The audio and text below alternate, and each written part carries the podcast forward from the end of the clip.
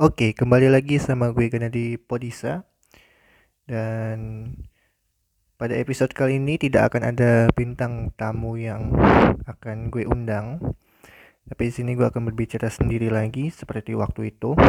Dan apa yang akan dibicarakan adalah tentang pastinya ya kalau di antara bulan Januari, Februari atau Desember pasti itu yang hangat adalah tentang banjir khususnya di DKI Jakarta.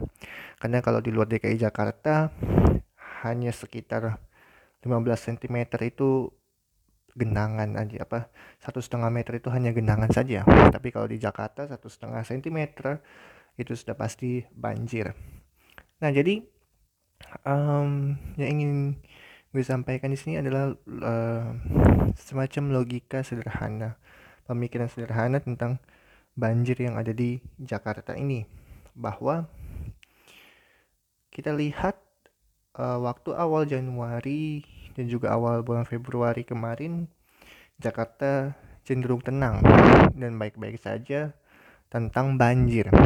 Karena uh, memang kalau kita bandingkan dengan tahun kemarin satu adalah curah hujannya yang tidak besar tidak sebesar dengan tahun kemarin. Dan yang kedua adalah memang uh, karena curah hujan yang tidak besar maka orderan atau kiriman air pun dari daerah penyangga uh, itu juga tidak banyak datang ke Jakarta masuk ke pintu-pintu air kita. Nah, itu yang mendasari uh, bangganya Pemprov DKI, jajaran gubernur dan seterusnya bahwa meng, untuk mengeluarkan statement membanggakan bahwa Jakarta alhamdulillah sampai detik kemarin uh, kemarin sebelum sebelum ini itu tidak banjir gitu. Disyukuri dan kalaupun ada yaitu yang sebenarnya masuk kriteria genangan yang sebetulnya gitu. Tidak sampai banjir yang seperti sekarang ini nih gue record tanggal uh, 19 malam 19 Februari malam dan itu tadi sore bahkan dari tadi pagi ya sudah mulai banjir di mana-mana karena uh, curah hujan yang tinggi dari dini hari tidak berhenti sampai sekarang pun uh, hujan lagi nih. Gue record nih kalau kedengaran sedikit suara-suara rintik hujannya. Jadi itu jadi yang sedikit membuat uh, senang pemprov DKI adalah Jakarta kala itu belum tergenang banjir gitu ya. Tapi sekarang karena curah hujan yang tinggi ini maka tidak bisa dipungkiri Jakarta banjir. Karena bagi saya ya saya menyangsi sampai kapan pun bahkan mungkin sampai nanti um, akhir zaman istilahnya begitu ya hiperbolanya begitu ya itu Jakarta akan tetap banjir. Akan tetap banjir. Karena kalau kita mau bermain sejarah histori ya dari tahun 1909 bahkan dari 90-an dari lama ya itu juga Jakarta sudah uh, rawan bahkan langganan banjir gitu. Sehingga secara histori dia sudah lama terjadi banjir dan artinya juga secara bersamaan siapa pun pemimpinnya dari mulai gubernur jenderal Hindia Belanda di Batavia sampai akhirnya menjadi gubernur DKI Jakarta pun pasti masalahnya banjir tetap ada. Mau dia pemimpin yang seiman yang bukan seiman atau yang hasil pribumi atau non pribumi kalau non pribumi Hindia Belanda tuh ya zaman-zaman itu. Kalau pribumi ya setelah gubernur setelah jadi gubernur itu itu tetap Jakarta banjir. Jadi ini permasalahan Jakarta banjir itu bukan sebab siapa pemimpinnya seiman atau tidak gitu. Pribumi atau bukan gitu. Karena dari zaman Belanda dulu zaman masih Hindia Belanda pun um, kita juga sudah mengalami yang namanya banjir bahkan tepat tanggal 19 Februari tahun 1909 hujan deras menyebabkan sebagian besar wilayah di Batavia terendam banjir sampai disebut sebagai peristiwa BOW atau Batavia Underwater alias Batavia di atas air. Tuh itu terjadi pada 19 Februari 1909. Itu masih kita masih Hindia Belanda ya, masih Batavia namanya. Sehingga pemimpin juga sebenarnya bukanlah faktor utama dari banjir di ibu kota baik dia faktor penanganan, pencegahan ataupun lain-lainnya. Jadi karena itu tadi siapa pun pemimpinnya uh, banjir itu tetap jadi masalah di Jakarta dan belum ada yang terselesaikan bahkan yang bilang dulu sempat ada yang pernah bilang kalau jadi presiden banjir dan macet itu jadi lebih mudah untuk ditangani pun ketika sudah jadi presiden saja kita tidak melihat perubahannya. Gitu. Bahkan sekarang berita banjir di Jakarta lebih besar lagi karena karena yang menjadi pemimpin adalah bukan yang bukan yang segolongan se sefrekuensi dengan dengan ya dengan itulah ya dengan mereka mereka itu. Begitu. Jadi masalah pem, kepemimpinan juga bukan itu karena kita merasakan dari kepemimpinan era Eropa era Barat Hindia Belanda yang maju ya pemikiran daripada kita itu juga ternyata tidak bisa mengatasi uh, uh, banjir.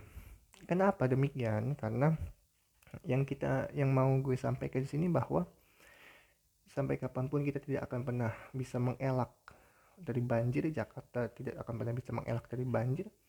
Karena yang pertama dan utama pastinya adalah faktor geografis. Bukan bukan uh, bukan saja faktor, faktor alam tapi faktor geografis. Geografis kita yang sering dikatakan oleh pengamat para ahli pakar ya selalu sebut bahwa memang kita geografis kita rendah. Ya kita adalah dataran yang rendah. Di dataran yang rendah Jakarta ini pun masih ada yang uh, paling rendah lagi katanya di antara uh, dataran lainnya di Jakarta ini kayak tadi saya dengar dari Pak Wagub katanya Cipinang Melayu itu lebih rendah daripada yang lain datarannya. Jadi dataran yang rendah ini mau sampai kapan pun potensi banjirnya akan tetap ada bahkan bukan hanya potensi. Untuk terus terjadi banjir pun akan selalu ada. Gitu akan terus menerus ada. Nah masalahnya bukan pada kepemimpinan. Kalau kita mau bahas secara uh, secara konteks negara atau politik ya itu bukan pada, bukan saja pada kepemimpinan yang pertama mendasar adalah pada mindset kita pola pikir kita gitu ya karena kalau kita mau mencontoh kota dunia yang maju dalam mengatasi musibah banjir atau semacamnya yaitu tsunami, kita bisa mencontoh mungkin Belanda. Belanda mempunyai uh, karakteristik yang serupa dengan Jakarta bahwa Belanda lebih parah lagi. Belanda adalah negara dataran rendah. Kalau Jakarta adalah kota dataran rendah, kan begitu tapi Belanda bisa mengatasi banjir meskipun dia adalah negara dengan dataran yang rendah nah cara-cara Belanda ini yang harus kita contoh yang harus banyak kita uh, pejabat kita khususnya pejabat Pemda DKI yang harus banyak belajar melihat dari Belanda mencontoh dari Belanda. Jangan hanya unsur estetikanya saja yang kita bisa resap yang bisa kita terapkan di kota kita tetapi juga hal-hal seperti ini yang perlu juga untuk kita terapkan di kota kita ini begitu. Cuman ya masalahnya itu tadi mindsetnya kita yang masih secara umum Indonesia masih negara berkembang menuju maju itu juga karena berdasarkan mindset ya karena pikiran kita yang juga mungkin masih belum maju masih berkembang menuju maju. Sehingga untuk melakukan upaya-upaya uh, revolusioner katakanlah begitu dari negara atau kota asing itu masih sulit untuk diterapkan. Gitu karena mau bagaimanapun sederhana saja korupsi masih merajalela di kita. Bagaimana kita bisa mencontoh revolusi ide-ide yang revolusioner yang besar untuk kita terapkan baik di kota Jakarta ataupun di Indonesia. Sulit. Itu karena mindset yang pertama. Lalu kalau kita lihat uh, Jepang yang suka gempa ya tsunami juga kita harusnya bisa belajar dari sana. Kita bisa contoh uh, apa? Kalau dari Jepang mungkin teknologinya. Ya peringatannya kalau dulu kita sempat uh, diper disuguhkan dengan olok-olok bahwa toa toa ya toa banjir nggak berfungsi segala macam gitu ya. Terlepas dari faktanya betul atau tidak di lapangan seperti itu biarlah itu berlalu. Tetapi yang ingin saya katakan bahwa kita tetap uh, harus melirik mencontoh yang baik-baik dari kota lain. Kalau memang Jepang punya kemajuan teknologi dalam bidang uh, bencana alam yang kita bisa contoh itu bah baik lebih baik lagi kita bisa terapkan itu di kota kita di negara kita kenapa tidak kita lakukan? Kan kira-kira begitu. Jadi yang pertama itu adalah faktor alam. Tapi faktor alam inilah yang juga yang juga tidak boleh menjadi alasan untuk siapa pun, untuk Pemprov, untuk Perpus atau bahkan untuk masyarakat sendiri untuk berkilah bahwa banjir ini tidak bisa uh, diatasi karena uh, faktor geografis tadi. Jangan juga ini jadi alasan untuk berkilah gitu karena sebenarnya juga kita memiliki harus memiliki upaya cara yang nyata dan konkret untuk men, meminimalisir banjir dan yang kedua ini adalah tadi kan faktor uh, alam berkaitan dengan kepemimpinan negara politik ya yang kedua ini adalah tentang narasi bagaimana yang selama ini kita selalu bicarakan adalah eh, orang-orang selalu menyebut Jakarta banjir. Siapa pun gubernurnya memang tidak akan bisa menghilangkan banjir. Tidak akan pernah bisa. Karena kota atau daerah yang baik dataran rendah atau tidak, yang langganan banjir atau tidak, pasti akan mengalami banjir sewaktu-waktu. Pasti. Sehingga kalau dibilang atau ada pemimpin-pemimpin kita yang menjanjikan bebas banjir, rasanya tidak mungkin karena tadi pada balik lagi pada faktor yang pertama adalah faktor alamnya atau faktor geografisnya yang karena permukaan tanah kita rendah juga karena pembangunan yang yang terus menerus uh, kita lakukan sehingga itu pembangunan pembangunan itu secara tidak langsung membuat tanah kita terus menerus menurun tidak bisa dipungkiri. Mungkin memang tidak terlihat gamblang tidak terlihat jelas tetapi ketika banjir ini akan terasa dengan sangat gitu bahwa penurunan permukaan tanah itu ada gitu ya. Nah yang kedua tadi itu adalah uh, mindset jadi apa narasi.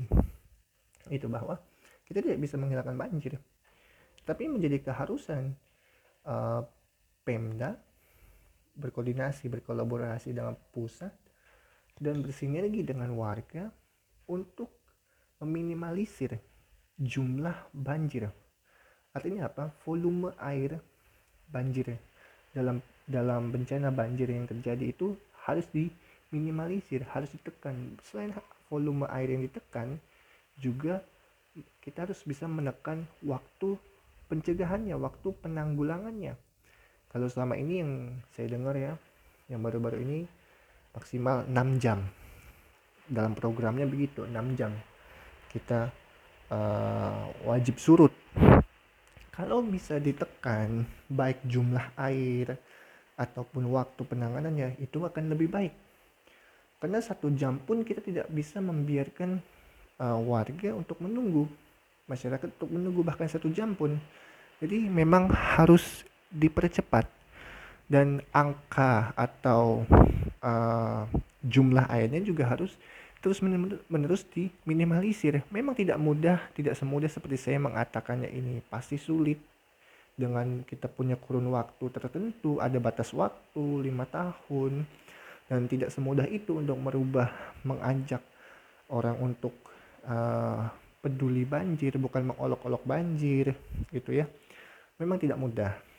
Tetapi narasi yang harus dibangun adalah bahwa kita tidak bisa menghilangkan, melepaskan Jakarta dari banjir tetapi suatu keharusan kita bersama kita semua untuk meminimalisir banjir yang ada gitu jadi kalau dihilangkan banjir itu tidak bisa saya rasa ya karena secara faktor istilahnya faktor semestanya aja tidak tidak bisa kita kita kelak bahwa geografis kita rendah bagaimana bisa kita menghilangkan banjir membebaskan Jakarta banjir hanya karena faktor kepemimpinan saja.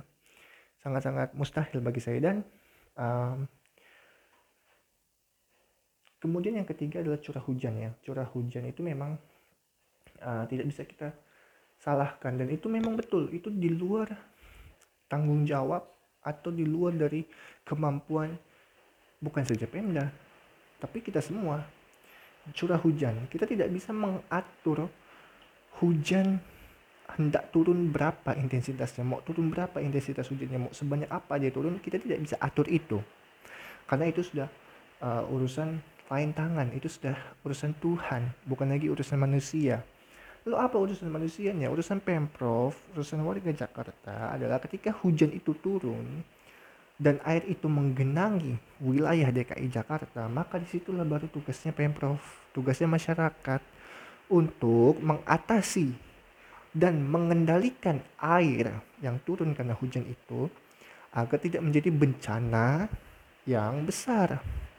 Sehingga kalau dikatakan bahwa hujan bukanlah uh, urusan Pemprov bukanlah uh, kehendak Pemprov juga bukan menjadi tanggung jawab Pemprov juga masyarakat ya betul.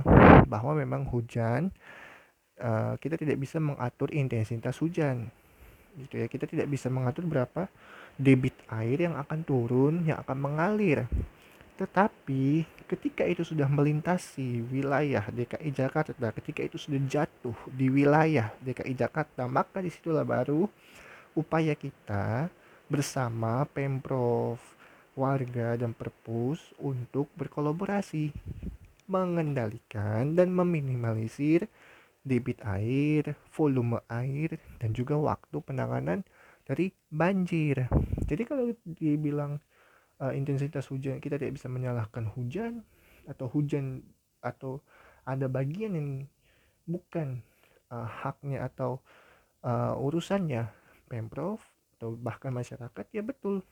Intensitas hujan itulah yang bukan urusan Pemprov dan juga masyarakat. Karena itu sudah lain tangan itu sudah urusan Tuhan. Tetapi ketika air hujan itu turun menggenang jatuh di wilayah DKI Jakarta dan di sungai-sungai melintasi sungai-sungai ada di Jakarta dan daerah penyangga barulah itu tugas kita dalam bentuk mitigasi bencana dan juga dalam bentuk program-program kerja jangka panjang untuk menanggulangi banjir. Jadi itu yang ketiga yang ingin saya sampaikan. Lalu yang keempat, kita harus terbuka dan jelas mencari data, fakta tentang program-program kerja Pemprov DKI dan daerah penyangga. Karena kalau saya ya, kalau pendapat saya penggerukan yang selalu dilakukan setiap hari itu oleh eh, dinas-dinas terkait di DKI itu selalu saya kalau lihat ya penggerukan kali itu tuh gerebek lumpur itu ya. Kok saya melihat banyak batang pohon gitu ya. Di kali-kali ini tuh ya dari sampah yang dikeruk itu di kali di sungai kok banyak batang pohon ya. Saya bingung. Saya um, saya baru berspekulasi tapi saya belum dapat data pastinya. Mungkin juga kalau cari data pastinya agak susah. Tetapi saya berspekulasi masa iya sih uh, kota Jakarta gitu ya yang minim pohon dan bahkan kota-kota itu kan malah menggelakkan untuk menanam pohon. Tapi kok bisa? Di uh, sungainya itu di aliran sungai di kali-kali itu malah isinya banyak ya. Kalau saya lihat beberapa kali banyak itu batang pohon. Itu artinya itu apa tuh? Artinya apa tuh? Masa kita kota nggak punya pohon bahkan ingin menanam pohon tapi yang ditemukan sampah di kali di aliran sungai itu adalah sampah batang pohon banyaknya gitu loh ranting-ranting itu. Terus saya tidak mau mengatakan atau menuduh itu dari daerah penyangga gitu ya karena tidak ada fakta yang jelas juga yang bisa menunjukkan ke arah ke sana gitu. Tapi tapi ada bukti uh, bukan bukti ya tapi ada barang gitu ya ada sampahnya itu berupa pohon batang-batang itu. Dari mana sumbernya? Setiap hari saya rasa nggak setiap saat pemprov DKI itu menebang-nebang pohonnya untuk apa mengatasi hujan lebat takutnya ada pohon tumbang. Nggak selalu dan masa dibuang ke sungai sih. Tuh.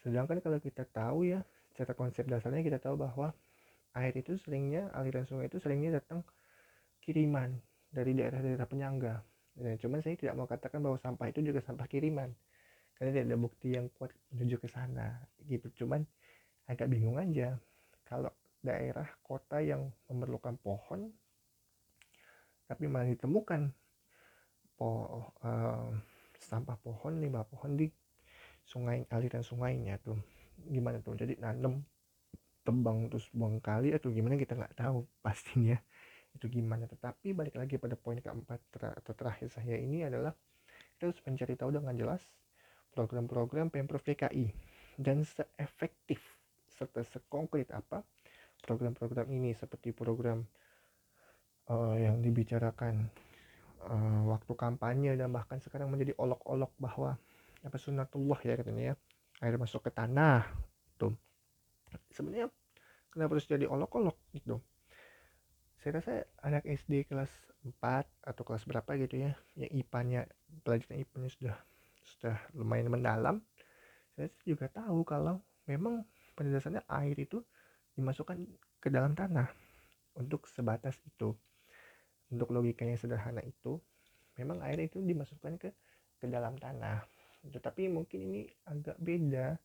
Kalau untuk urusan Jakarta kan daerah yang mencakup daerah yang luas dan pastinya debit air yang banyak tidak seperti kita menyiram tanaman yang dengan satu dua gelas untuk kita siram tanaman terus langsung meresap pasti tidak tidak sesederhana itu fakta di lapangan Jakartanya. Tetapi logika sederhananya kan seperti itu. Air memang dimasukkan ke dalam tanah tetapi memang perlu ada upaya-upaya atau hal-hal yang dimaksimalkan untuk memasukkan air ke dalam tanah tersebut seperti mungkin sumur resapan dan lain sebagainya.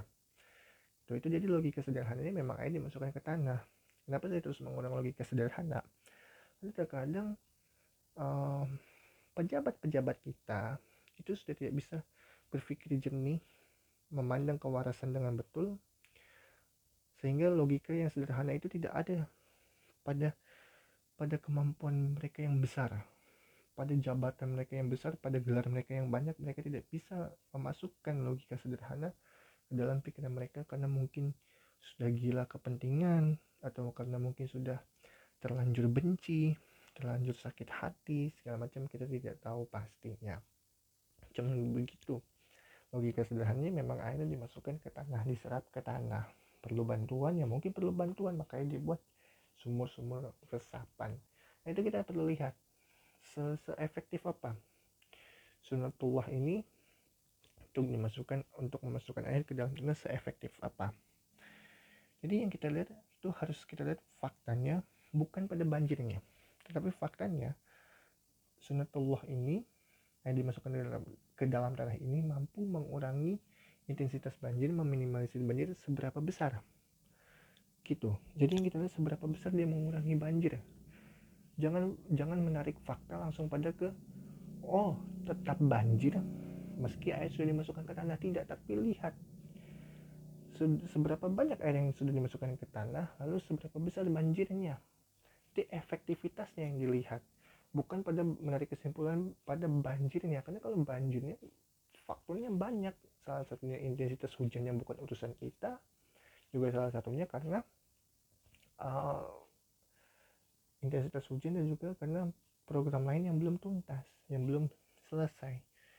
Jadi efektivitasnya itu efektivitas programnya yang betul-betul harus kita lihat dan perhatikan. Lalu kemudian dua momok besar kan tadi itu yang pertama adalah air dimasukkan ke tanah sunatullah. Dan yang kedua sekarang ini adalah naturalisasi dan normalisasi. Bagi saya sah-sah saja orang mau menamakannya apa mau yang sebelumnya menamakan normalisasi mau yang sekarang menambahkan naturalisasi toh intinya kan sama-sama untuk uh, perluasan sungai. Kalau masalah ada yang bilang itu beda karena yang satu untuk pengendalian banjir dan yang satu untuk unsur estetik dan apa ya dan dan perluasan kali ya mungkin itu. Juga sebenarnya enggak pengendalian banjir normalisasi pengendalian banjir. Tujuannya kalau sudah jadi pun sudah selesai dengan rapi pasti juga akan dipercantik akan dirapihkan karena kalau tidak dirapihkan nanti akan ada yang protes lagi.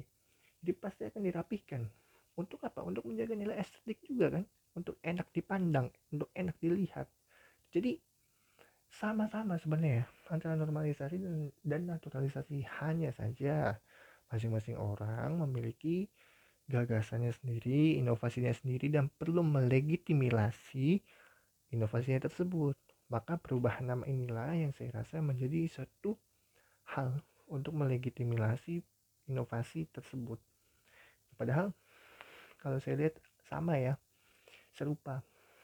Sama-sama ya ujung-ujungnya mungkin nanti akan juga dibuat kok terowongan-terowongan bawah uh, bawah tanah gitu ya di kalau memang sulit untuk menggusur atau membebaskan lahan yang ada di atas mungkin akan dibuat terowongan-terowongan di bawah tapi itu juga bukan pekerjaan yang mudah.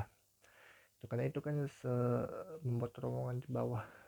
Itu sama seperti ide-ide revolusioner dari kota-kota maju dan untuk diterapkan di sini susah. Dari segi anggaran susah nanti takutnya ada indikasi korupsi dan lain sebagainya. Gitu jadi kalau memang naturalisasi normalisasi ini uh, akan sama saja begitu. Karena ujung-ujungnya juga akan dipercantik. Hanya saja hanya saja kalau normalisasi mungkin yang ditangkap itu untuk pengendalian banjir. Nah, jadi yang dilihat tujuannya tapi tidak dilihat nanti dampak setelahnya. Dampak setelahnya juga pasti akan memandang unsur estetik. Akan dirapihkan gitu. Ya sama cuman saja kalau naturalisasi ini estetiknya sudah dijadikan tujuan juga nah gitu. Jadi ada dua ya tujuannya ada estetik dan mungkin pengendalian banjir itu saya lupa yang satunya lagi. Tapi ujung-ujungnya akan sama sehingga tidak ada perbedaan naturalisasi dan normalisasi. Ini hanya olok-olok politik aja.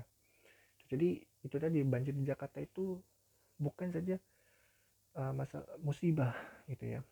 Tapi juga menjadi olok-olok politisasi jadi terpolitisasi semuanya. Itu. Nah dua hal inilah.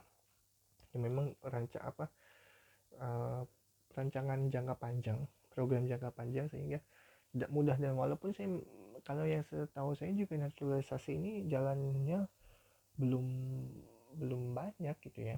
Sudah masuk tahun ketiga tahun keempat bahkan ya tapi belum belum terlihat jelas naturalisasi ini uh, efektivitasnya dan juga progresnya gitu. Walau mungkin ada progresnya ada tetapi itu efektivitasnya masih rendah untuk banjir di Jakarta sendiri. Nah itu saja yang ingin saya sampaikan terkait banjir di Jakarta. Logika saya sangat sederhana ya setingkat anak SMA lah seperti apa. Uh, kemudian uh, dan ya kata siapa di Jakarta itu tidak ada pekerja musiman seperti Pak Tani di desa yang menunggu musim padi baru bisa panen. Di Jakarta juga ada pekerjaan musiman yang mana menunggu banjir dulu baru mereka dapat pekerjaan, dapat transferan untuk mengolok-olok banjir di Jakarta. Jadi jangan salah, di Jakarta juga ada pekerjaan musiman seperti uh, di desa atau di pesisir pantai nelayan tuh ya. Seperti itu dan itu tadi saya rasa siapa pun pemimpinnya tidak akan bisa membebaskan banjir dari Jakarta kecuali kita memang sudah maju sekali pemikirannya. Tapi kalau yang digalakkan dan yang dipelihara masih para koruptor saya selalu ambil contoh sederhana koruptor itu sudah menyengsarakan rakyat banget. Ya jadi sulit untuk maju pikirannya karena itu tadi karena masih banyak koruptor yang berkeliaran bahkan dipelihara. Sehingga sulit juga untuk kita maju. Karena anggarannya dipangkas mulu. Gitu. Jadi itu saja yang ingin saya sampaikan tentang banjir di Jakarta ini. Dan baiknya untuk musibah adalah pastinya kita selalu harusnya mendoakan. Mendoakan agar musibah ini segera berlalu banjir cepat surut dan juga kita doakan agar upaya-upaya yang dilakukan seluruh siapa pun pihak pemprov pemerintah pusat masyarakat itu bisa berjalan baik optimal konkret dan efektif. Sehingga sehingga tidak ada yang saling menyalah-nyalahkan dan sehingga kalau berhasil tidak ada yang saling mengklaim. Karena bisanya banyak orang bisanya cuma mengklaim doang. Dan juga bisanya banyak menyalah-nyalahkan doang. Tapi suruh kerja nggak mau dan lain sebagainya lah jadi sama-sama mendoakan agar agar juga petugas-petugas kita bapak-bapak ibu-ibu dinas-dinas kita bisa uh, selalu sehat.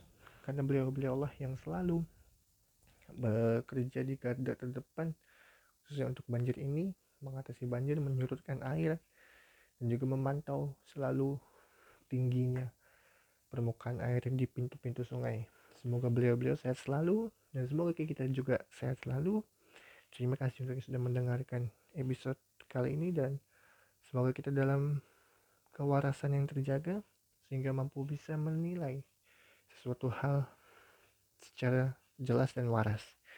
Terima kasih, saya Gani Ramadan, Tuan Rumah Podisa, pamit undur diri. Assalamualaikum warahmatullahi wabarakatuh.